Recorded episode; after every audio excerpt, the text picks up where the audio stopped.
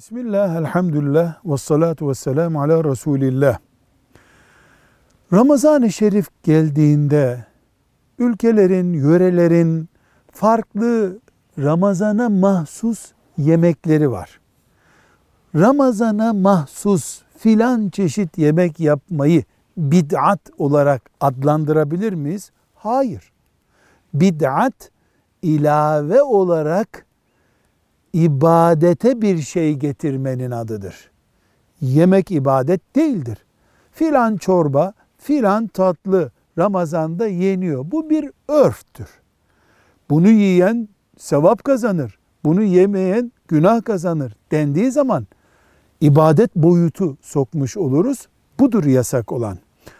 Filan yiyeceğin Ramazan'da yenmesi konusu, örf konusu doktorlarla ilgilidir. Fıkhın israf bölümüyle ilgilidir. Sağlık açısından yararlı değilse zaten sakıncalı. İsraf bölümüne giriyorsa o o bölümden sakıncalı ama Ramazan'da filan yiyecek çeşidini filan yöre insanı yiyor, yemek istiyor diye buna bid'at damgası vuramayız. Velhamdülillahi Rabbil Alemin.